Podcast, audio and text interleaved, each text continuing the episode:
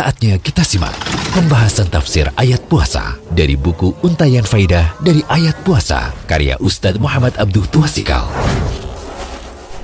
Alhamdulillah, salatu wassalamu ala rasulillah wa ala alihi wasallam Kali ini kita berada di audio ke-6 dari Untayan Faidah dari Ayat Puasa. Silahkan lihat di buku halaman 16 sampai 17 Kita bahas Faidah ayat surat Al-Baqarah 183 Pertama, Ayat tersebut kita simpulkan pentingnya ibadah puasa karena Allah menyuruh dengan wahai orang beriman. Menunjukkan bahwa meninggalkan puasa berarti mencacati iman. Artinya iman itu berkurang karena meninggalkan puasa.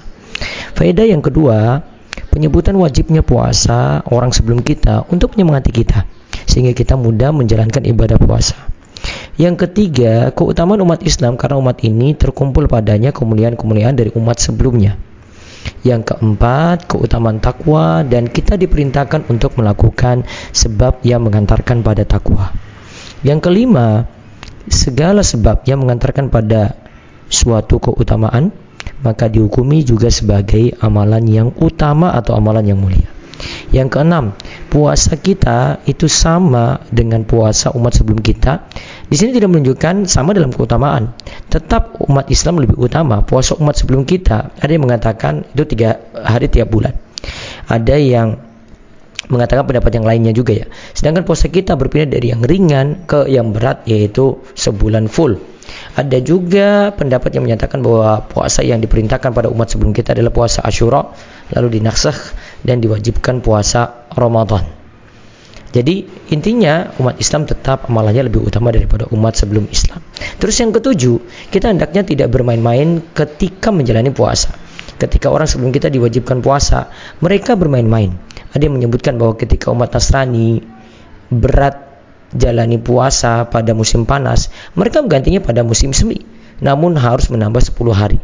Nah, itu hukuman bagi mereka. Kalau kita umat Islam hendaklah menjalankan puasa sesuai yang diperintahkan tanpa mengganti dan mengubahnya. Ya, kalau mampu di bulan Ramadan ya jalankan di bulan Ramadan. Kedelapan, penyebutan ilah atau sebab suatu hukum akan motivasi kita untuk mengamalkan hukum tersebut. Kesembilan, faedah puasa adalah untuk menggapai takwa. Bukan karena Allah butuh pada puasa kita.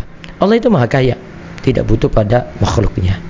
Kesepuluh, makna takwa itu ada pada puasa karena makna takwa adalah mengharap apa yang ada di sisi Allah dengan menjalankan perintah dan meninggalkan larangan karena takut akan siksa Allah. Kesebelas, takwa itu adalah inti dan buah dari amal dan takwa itu termasuk bentuk albir, berbuat baik.